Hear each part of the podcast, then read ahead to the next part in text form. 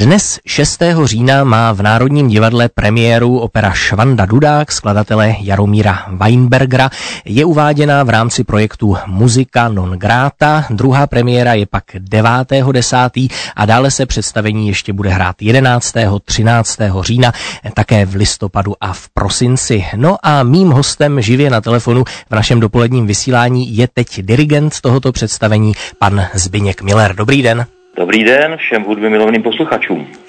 Eh, ještě než se dostaneme k hudbě, ta opera je avizována jako pohádková, částečně jako opera pro celou rodinu. Eh, tak v čem vlastně spočívá ta pohádkovost té opery a v čem se třeba liší od té hry Josefa Kajetána Tyla?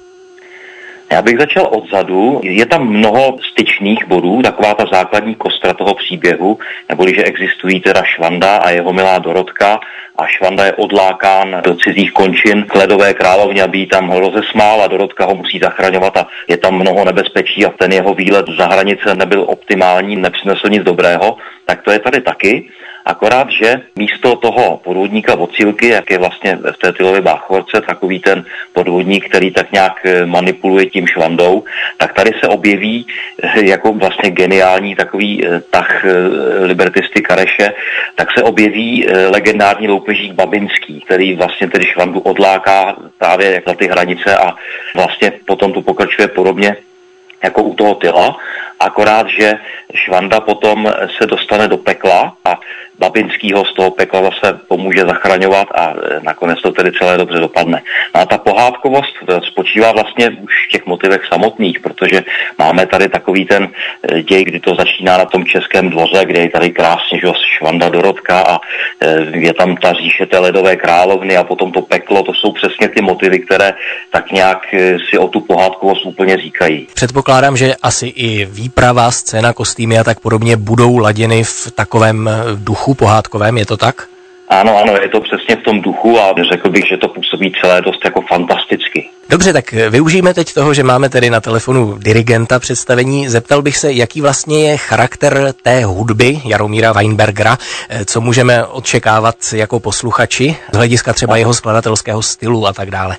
Ta hudba eh, nabízí takovou eh, širokou škálu eh, výrazu. Jsou tam části radostné, komické, které jsou spjaty převážně s tím vystupováním toho švandy jako dudáka.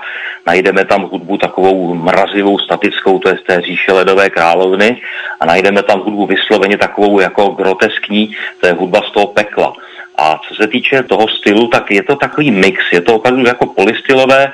Řekl bych, že Weinberger naprosto vědomě navázal na takovou tu českou linii ve smyslu Smetana, Dvořák, Novák, Suk.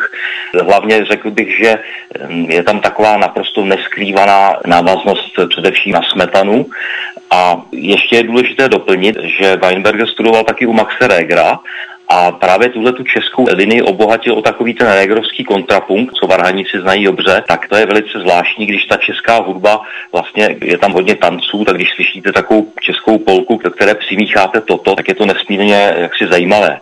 No a on používá i rád lidové písně, vlastně ústřední melodií je píseň na tom našem dvoře a ta se objevuje několikrát, vlastně poprvé už v předehře a během té opery asi ještě třikrát a je taková velmi symfonicky instrumentovaná s takovou velkou fantazí. Všechno směřuje i do takové velkoleposti chvílemi. To zní opravdu zajímavě. Když vy to představení dirigujete, jaký je v něm váš oblíbený moment, ať už hudební nebo třeba oblíbená scéna? No, těch momentů je víc. Já bych, tak kdybych měl jmenovat, tak eh, působí na mě velmi jaksi intenzivně Švandova árie, jak zapomenout na ten rodný kraj. Tam má takový smetanovský kolorit a instrumentaci. Pak eh, je velmi působivá eh, velká zborová scéna na popravišti, kde máme zbor v ložích a celým divadlem se nese takový smutek, jak Švanda špatně dopadl a že ty strakonické rudy už nebudou hrát. A ještě bych chtěl zmínit, že jak byl Weinberger varhaní skladatel, tak eh, jakoby v tom díle nesmí chybět velká fuga, tak na závěr té opery skutečně máme takovou, řekl bych, až obrovskou fugu, která zase vrcholí takovým eh, borovým závěrem, kdy to všechno zpívá dohromady a působí to velmi grandiozně. Proč podle vašeho názoru zrovna tato opera ve své době uspěla ve světě z českých oper a například i v USA, kde se dostala na jeviště metropolitní opery? Čím to vlastně je a proč už pak další díla Jaromíra Weinbergera takto ve světě neuspěla? Já si myslím, že vlastně tím, jak je základem ta česká lidová hudba, že to nejsou jenom takové vlivy, řekněme, které dokázal třeba eh, jako přetavit znamenitě do svých děl, ať už Bezích Smeta nebo Antonín Dvořák, tak toto vysloveně je zpracování jako těch tanců a vlastně i původní lidové hudby, jak jsem říkal, ta lidová píseň, tak tohle prostě je něco, co když dostane takovou tu velkou řekněme, pozdně romantickou technickou výbavu v tom orchestru, instrumentační, harmonickou, všechno, tak tohle je něco, co dokáže eh, opravdu jako v tom světě, myslím si, že velmi zarezonovat, protože ta česká hudba má v sobě takovou živost a takovou jaksi původnost, když dostane takovýto aparát, tak je nesmírně působivá. Nicméně nebylo to jako dobře přijato například v Čechách, protože my máme trošku zakořeněnou představu, že česká hudba je víceméně něco, co je skromné.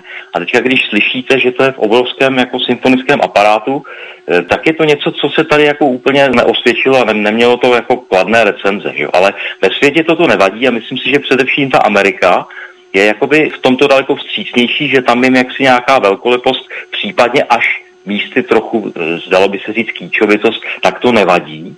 A eh, vůbec se nedivím tomu, že ten úspěch byl takový. No a proč už se jako dál, eh, už víceméně neopakoval s ničím jiným?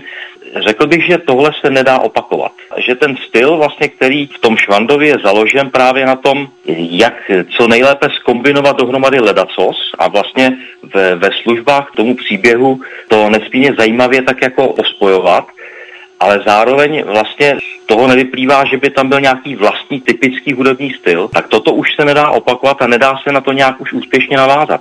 On e, Weinberg jak cítil, že jakoby to, co mu jde nejlépe, domnívám se, tak je právě ta práce s tou lidovou písní, tak to pak ještě zkoušel s tou anglickou podkošatým kaštanem, jakoby variace a fuga na toto téma a pak e, ještě v Americe složil Lincoln Symphony a tam zase zpracovává ten e, chorál Deep River, ale ani jedno z toho už nemá takovou tu původní, řekněme, spontánní prostě invenci a kvalitu, jako má ten Švanda Duda. Říká dirigent Zbigněk Miller o charakteru eklektické hudby Jaromíra Weinbergera v opeře Švanda Dudák. Ještě poslední otázka. Samozřejmě úspěšné operní představení z velké části dělají také solisté. Tak bych se zeptal, na jaké solisty se mohou posluchači v tomto případě těšit a jaké role stvární? Máme tam takové čtyři hlavní role. Začnu od Švandy, tak Švanda bude v alternaci Jiří Brykler a Svatopluksem. Jeho milá Dorotka, tu bude zpívat Alžběta Poláčková a Jana Šrejma Kačírková. Loupežník Babinský, což je taková velmi vypjatá tenorová role, tak eh, ta bude v alternaci Jaroslav Březina a Martin Šrejma. A komickou roli Čerta v pekle stvární Jiří Služenko a František Zahradníček. Tak tolik tedy k obsazení opery Švanda Dudák, která má dnes premiéru v Národním divadle. Já moc děkuji dirigentovi této inscenace Zbigníku Millerovi, že si na nás udělal čas a že byl mým hostem v dopoledním vysílání. Ať se premiéra i ta druhá samozřejmě 9. října vydaří a budeme se těšit případně tedy na viděnou v divadle. Také děkuji a budu se moc těšit. Naschledanou. Naschledanou.